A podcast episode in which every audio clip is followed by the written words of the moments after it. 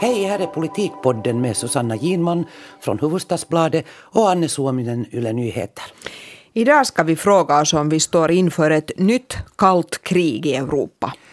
Nu visar nämligen eh, flera internationella undersökningar på ganska skrämmande siffror för populistiska och främlingsfientliga värderingar. Och så ska vi också prata lite om vår färska ekonominobelist Bengt Holmström och hans eventuella inflytande på politiken här hemma.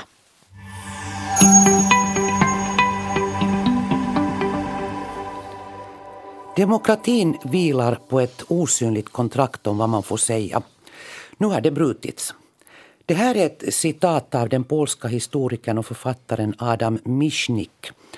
Och jag har plockat det här citatet ur en artikel i Dagens Nyheter som är skriven av eh, författaren och kulturskribenten Maciej Zaremba. Den handlar om populismen i Europa, hur den har gått framåt, vilka skräckscenarier eh, vi borde diskutera idag och eventuellt också vad vi borde göra. Och eh, den artikeln refererar till en internationell undersökning som visar att, eh, att de här siffrorna för hur människor idag tänker i ett antal länder i Europa är ganska skrämmande, som jag sa här tidigare.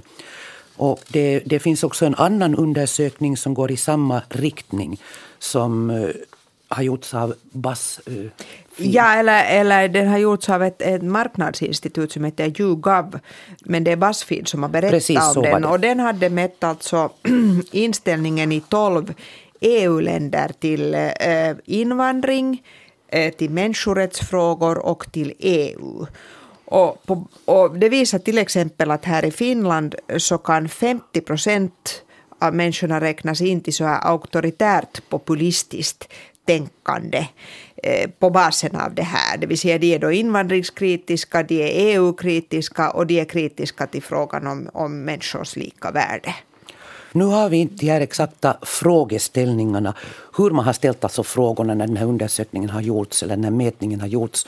Men man har då eh, i varje fall intervjuat över 12 000 personer i 12 EU-länder. Allra mest i Storbritannien 1700 och i de här andra länderna drygt 1000. Och de länder som då är med här är Storbritannien, Frankrike, Tyskland och Sverige och Danmark. Polen, Italien, Spanien, Rumänien, Holland och så då Finland. Och Portugal glömde du bort, tror jag. Nåja, no, no, okej. Okay. okay, det, det var det som jag hittade här när jag tittade på den här undersökningen. Men, men hur som helst, alltså då hälften av oss här i Finland. Mm. Och, och de högsta siffrorna kommer från Rumänien där 83 procent är så här auktoritärt populistiskt tänkande och Polen där 78 procent är det. Och, och, det är ju lite intressant om man tittar då till exempel på Polen, en så här hög siffra. I den här artikeln som jag hänvisade tidigare till i Dagens Nyheter så påpekas att Polen är närmast flyktingbefriat.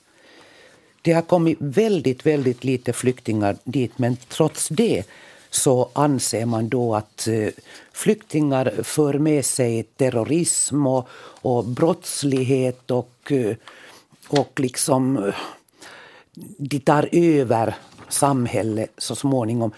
Även om man inte har någon som helst erfarenheter egentligen av flyktingar i Polen. Ja, medan man till exempel i Frankrike där det finns ganska mycket erfarenhet så, så eh, är det knappt varannan som förknippar flyktingar med terrorism. Medan det då i Polen är enligt den här mätningen 71 procent. Sverige ligger bäst till om man ska tro den här mätningen där 35 eh, procent då är på något sätt invandrarfientliga, invandrarkritiska, EU-fientliga, EU-kritiska, vill ut ur EU och förhåller sig negativt till mänskliga rättigheter. Men, men jag tycker att 35 procent också är en, det är en stor en, en siffra. Stor siffra. Ja. Ja. Och de här forskarna bakom den här enkäten så, så har tittat till exempel då på, på Tyskland Eh, nu har jag tappat den siffran här. Den, den var inte så särskilt stor. Nej, den var väl, hörde till de lägsta. Jag tror det var 18. Ja. Och de säger att det här kan ju låta som en väldigt låg siffra. Men med, med tanke på Tysklands bakgrund så är det ändå en hög siffra om man tänker på nazismen.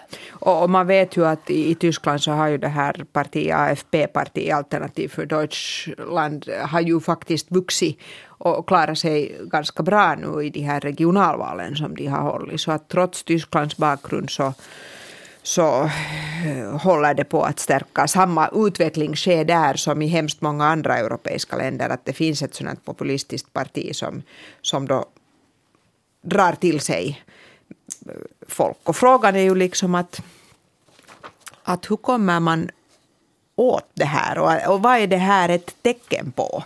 Att, det där, att vi rekommenderar att, att ni läser den här artikeln i Dagens Nyheter som heter Åsiktsbubblorna får populismen att växa.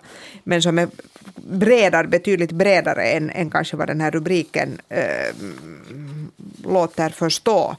För att här, här påpekar påpekar skribenten och de här som han har intervjuat två polska eh, politiker och, och tänkare och forskare att, att det där att det liksom handlar inte mer om höger eller vänster eh, populism till höger eller till vänster för att den gemensamma fienden är, liksom, är den här liberala demokratin där man bejakar pluralism, det vill säga att man får ha olika åsikter och där man vägrar att folkomrösta om sånt som mänskliga rättigheter.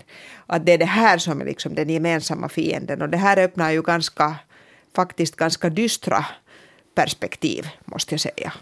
Vi kan kanske båda lova att vi delar den här offentligt ja. på våra Facebook det ska vi göra. sidor ja. så är det lätt att hitta den helt enkelt. Och om vi gör det offentligt dessutom så ja. behöver ni inte vara våra vänner på Facebook Nej. för att kunna hitta den och läsa den. Men det sägs också i den här artikeln eh, och i den här eh, undersökningen eh, om hur det ser ut i olika länder i Europa att, eh, att vi egentligen nu ser i hela Europa en stor eh, uppdelning. Alltså det, det är på gång ett krig mellan värderingar. Och, och, och, att vi egentligen kan tala om ett kallt krig. En kamp mellan två olika visioner av hur vårt Europa ska se ut. Den inåtvända, introverta, främlingsfientliga och sen den mera utåtvända, eh, mera öppna mot främlingar och invandrare. Hur stort det här problemet än är så, så, så finns det också ganska starka värderingar som talar för att vi ska kunna hantera det. Vi har ett världsansvar. Ja, och på det sättet handlar det uttryckligen om ett hurdant land och ett hurdant Europa man vill bo i hur vill vi att våra länder ska utvecklas och, och hurdana ska vi vara? Att, att e- en, Nåja, en skräm, liksom en eh, obehaglig, ett obehagligt faktum är ju det att det som först riktar sig mot en grupp, jag menar nu handlar det då om i första hand muslimska invandrare, för att säga som det är, för att det är ju dem som man är då så att säga mest rädd för. Eh, men om en tid handlar det om någon annan grupp. Och det såg man ju under 30-talet att, att det var just så det gick att först handlade det om judar och sen handlade det plötsligt om en massa andra olika grupper. Att man, ingen ska kunna liksom vagga sig in i att det här gäller inte mig. Även om det liksom, för det, det gäller oss alla. Antingen konkret eller sen på ett sådant klimatplan. Mentalt klimatplan. Nu funderas det ju ganska mycket på eh, vad det beror på, förutom då flykting eh, vågen till en del länder.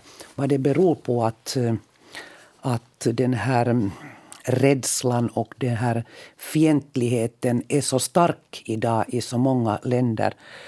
Eh, i, I den här mm, den artikeln som vi nu verkligen tycker då är bra så intervjuas den forna förra polska premiärministern som då var med på 90-talet och förde in Polen i, i EU och som själv har en bakgrund i kommunismen. Han heter Simosevic. Simosevic, vi tror att det här är rätt uttal.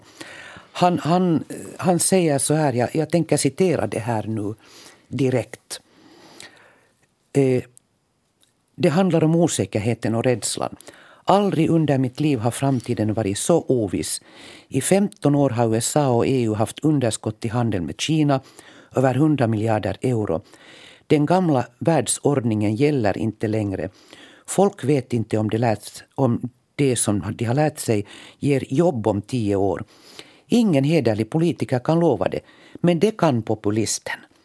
Bara vi kastar ut invandrarna, bara vi lämnar EU, bara vi bygger en mur mot Mexiko, så fixar det sig. Precis. Och, och här handlar det ju väldigt mycket om globaliseringen och, ja. och, och de följder som den har fört med sig. Men jag tycker att, att jag skulle gärna höra en, liksom, hos oss också en mer analytisk diskussion från politikernas sida och, och intellektuella kulturskribenter om de här orsakerna. För att här, här så säger man ju väldigt ofta, eller det enda egentligen man säger, att det är marginaliseringen. Det är den som vi måste hantera. Och okej, okay, det är säkert en del orsak. Men, men det här är ju nog ett väldigt stort och komplext jo, problem. Ja, jag hade igår, det här gäller ju inte bara då Europa utan också faktiskt USA. och det där, jag träffade igår Finlands före detta ambassadör i USA, Jukka Valtasari, som faktiskt har jobbat där jättelänge.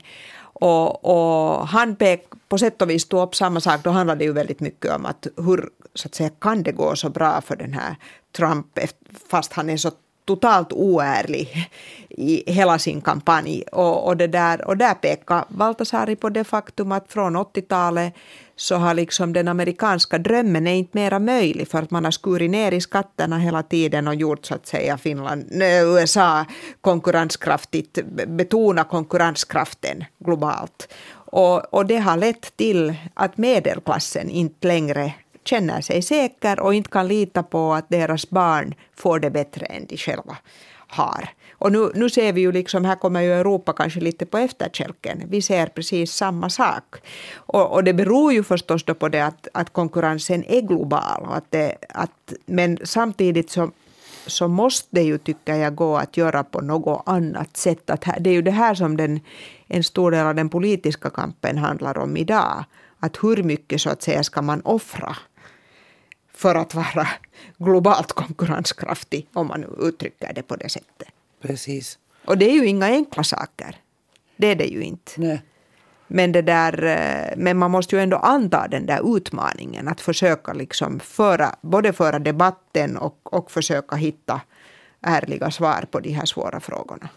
Alltså jag tror någonstans i min blåögdhet att eh, bättre argumentation och att öppna Eh, problemen bättre än vad som görs hos oss idag eh, från politikernas sida eh, kunde bidra till att till en större förståelse också för invandrare och också för flyktingar. Men det här...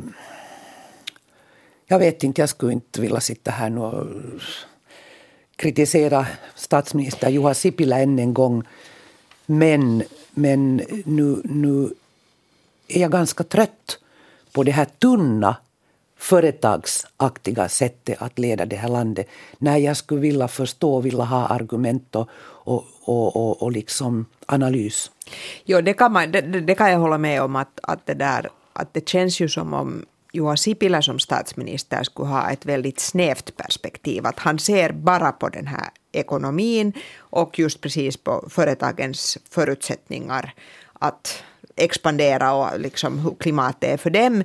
Eh, det behöver ju i och för sig inte vara dåligt men man, men man skulle kunna liksom längta efter ett lite djupare engagemang. Eh, till exempel så verkar han ju vara totalt ointresserad av EU och hur EU borde utvecklas och det hänger ju ihop just precis med den här populismutvecklingen i hela Europa. Liksom, att hur ska vi ha det? Att EU har väl en ganska central roll där och vad som händer i EU. Men om vi nu inte bara ska skälla på, jag menar eh, på Juha Sipilä för det första så tyvärr så tror jag inte att det skulle bli så där jättemycket bättre heller om vi skulle ha en lite annorlunda regering. Mm. Jag är kanske nu pessimist men, men jag, tror, jag tror inte att, att vi skulle leva i en helt annan värld då. Eh, och för det andra så kan jag säga att det som den här Saremba lyfter fram i sin artikel är också mediernas ansvar. Och det där, och jag menar, det måste man ju erkänna att, att eh, medierna också kan lägga sig ganska platta ja, ibland. Ja, och att man så att säga går efter klickvänlighet till exempel. Han, han berättar om sina egna eh, ganska skrämmande upplevelser eller upptäckten eh, av hur de sociala medierna fungerar när det gäller att, att eh, puffa på och bygga under främlingsfientlighet och hatretorik. Eh, det handlar om helt enkelt någonting som heter algoritmer. Jag är inte en specialist på det här, men, men hur, hur det finns alltså maskiner som plockar fram i ditt eh, flöde på Facebook till exempel eh, artiklar och eh, ja, grejer utgående från hur många klick de har. Och hur, på vad du har klickat på tidigare Och på också. vad jag har klickat på tidigare. Ja. Och, och, han alltså, när han kollar på Polen, eh, på ordet flyktingar, Polen har ju som sagt just inga flyktingar, så, så kom det miljoner eh, träffar när han googlade på ordet flyktingar och Polen. Och eh, de allra första så var producerade av ett eh, företag, eller de facto en maskin. Ja, det hette Blasting News. Ja, och, och det här fick mig att tänka på, på den här MV-Lehti som vi har här hemma, eh, där jag själv går in och kollar ibland, att jag bidrar antagligen till att de eh, hatpropagandistiska artiklarna och lögnerna sprids i människors Facebook-flöden. Och, och så, så nu, nu har du ett dilemma. Jag har ett dilemma. Därför att som journalister är vi ju tvungna ändå att bekanta oss med också sånt som vi personligen inte gillar. Precis. Det där, jag menar, det kommer vi liksom inte ifrån.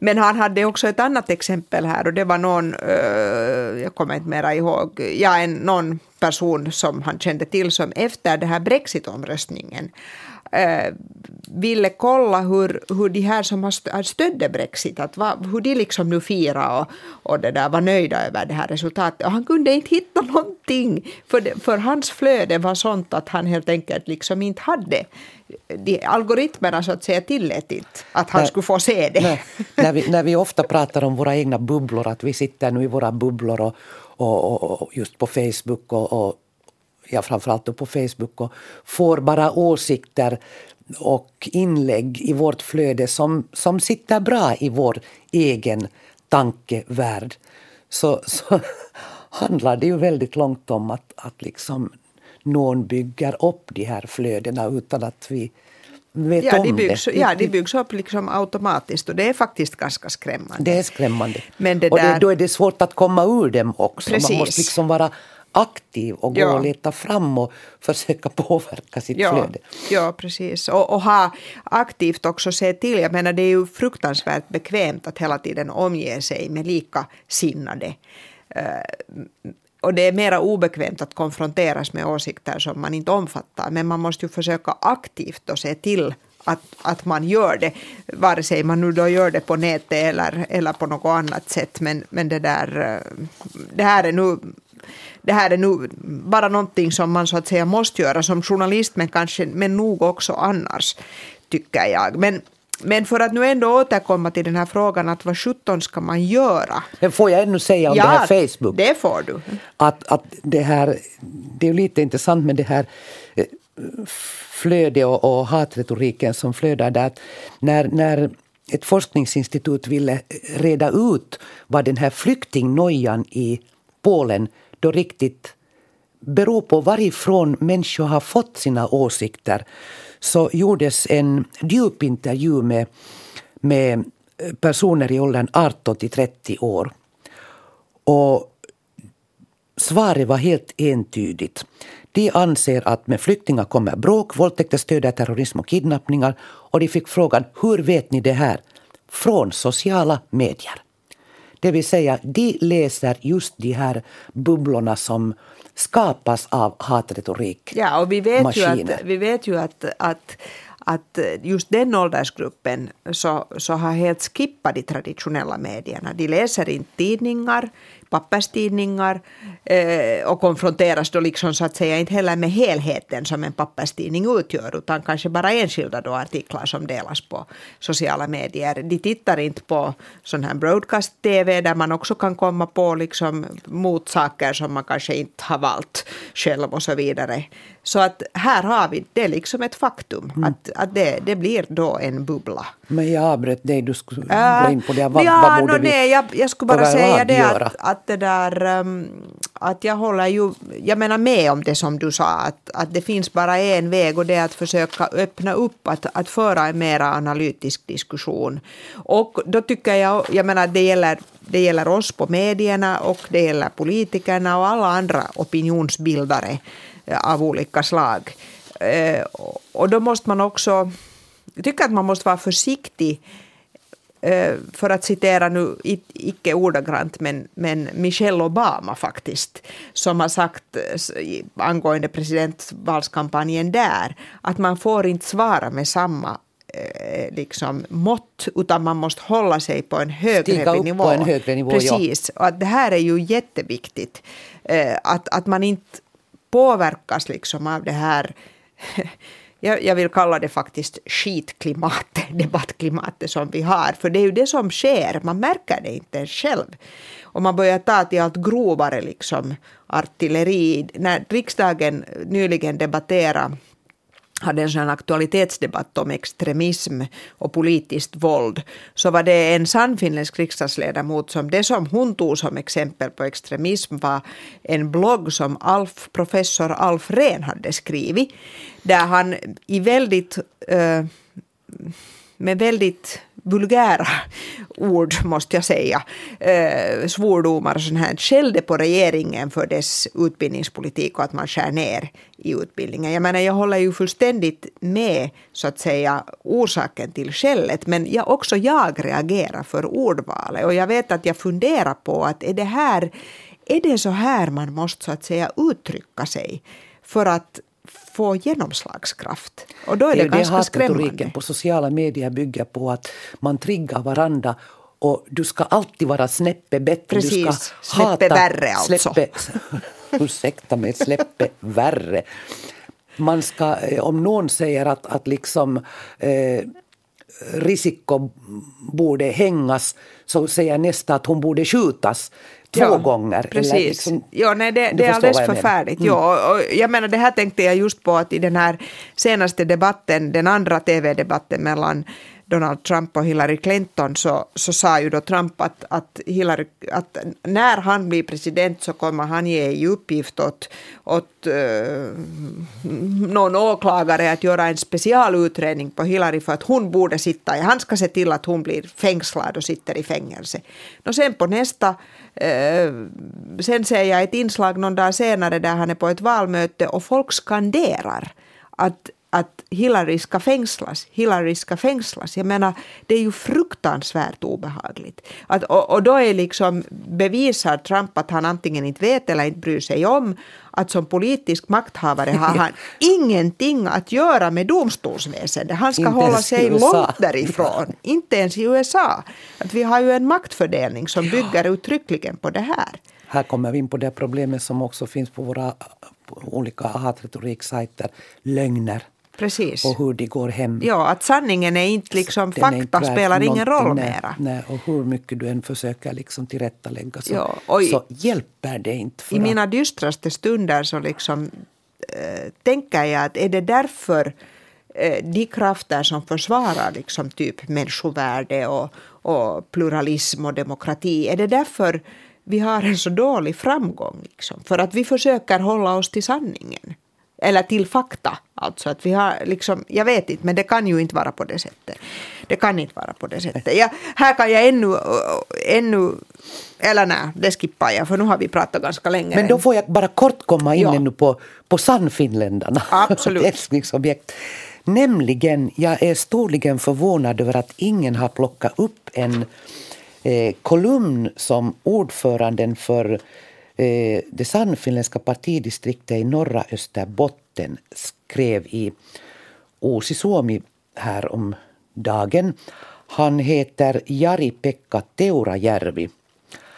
Han, har, han säger att han har eh, verkat i Sannfinländarna i fem år och fått möjlighet att bekanta sig med massor av eh, Sannfinländare och att det finns många rasister i partiet. Och det här, han ger exempel som jag inte tänker räkna upp här men, men de har alla varit ute i offentligheten. Men det finns mer än det. Och han, han säger att det som har varit i offentligheten är bara toppen av isberget.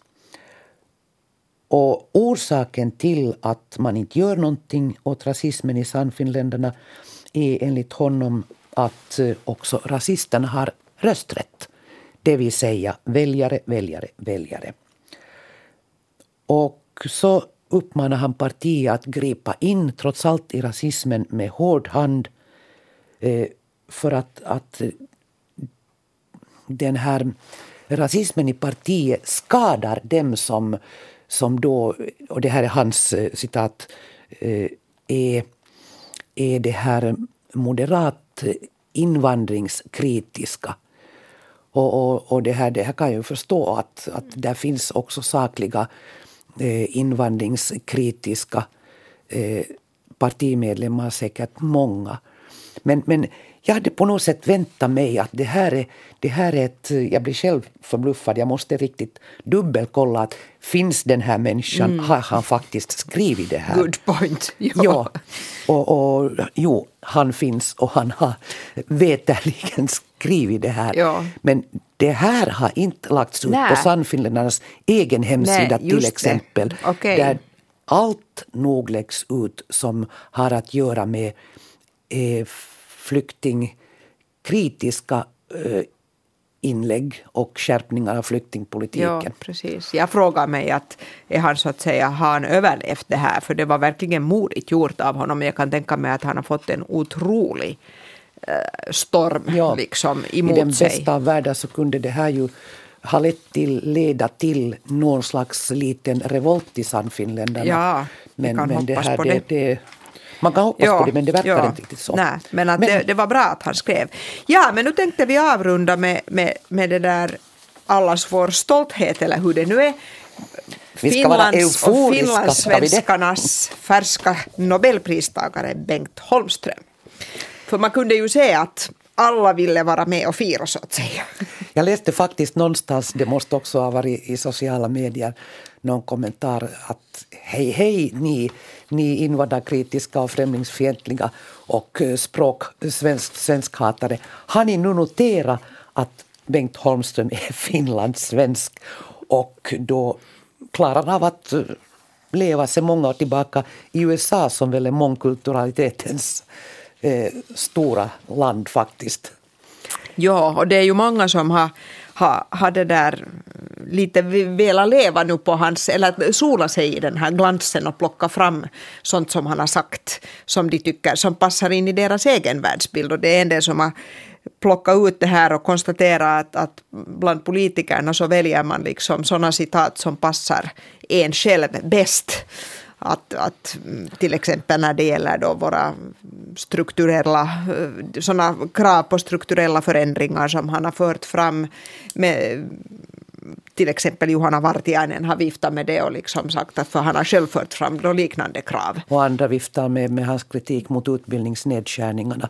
Precis, ja, så att man väljer lite det Men som det, är lämpligt. Det är lite intressant, jag, jag tittar här om dagen eh, på A-studio där, där till exempel Sixten Korkman då uh, hoppades att våra politiker nu, regeringen då, kanske framförallt just nu, ska uh, lyssna mera på Holmström. Nu har han då fått pris Så, så han är liksom, fast han själv har varnat för det här att, att han inte vill vara på någon piedestal och, och, och så, så, så men nu har han fått pris och nu har han liksom en större, ännu större status än tidigare.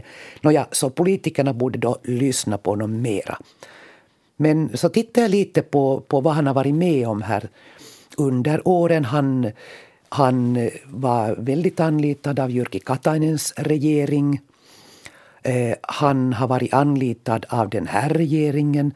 Han skrev alldeles nyss en rapport tillsammans med Sixten Korkman och Vesa Vihriälä om, om eh, de förändringsbehov ekonom, ekonomin i Finland. Och, och det här under åren, eh, jag hittar från många år tillbaka intervjuer med honom där han, han då eh, anser att nivån på arbetslöshetsunderstödet ska ner och att eh, eh man ska frångå kollektivavtal, alltså allmänbindande kollektivavtal. Man ska gradera det inkomstrelaterade arbetslöshetsunderstödet. Man ska kräva en viss aktivitet för att eh, stödet ska betalas ut. Och det ska vara lättare att flytta folk dit de behövs, alltså till exempel inom Efter byggbranschen. arbete. Efter Mm. arbete inom Mm. byggbranschen framför allt. Så du menar att, Att, han har, regeringen har redan förverkligat det Jag här? tycker ju att man har lyssnat på honom. Så jag, jag liksom, min fråga är kanske närmast det här, vad är det mera man ska lyssna på? Eller, No, i, i, I en intervju som Svenska Yle hade med Bengt Holmström så lyfte, sa han ju att fackföreningarna har för mycket, facket har för mycket makt. Att kanske det då ännu är det här.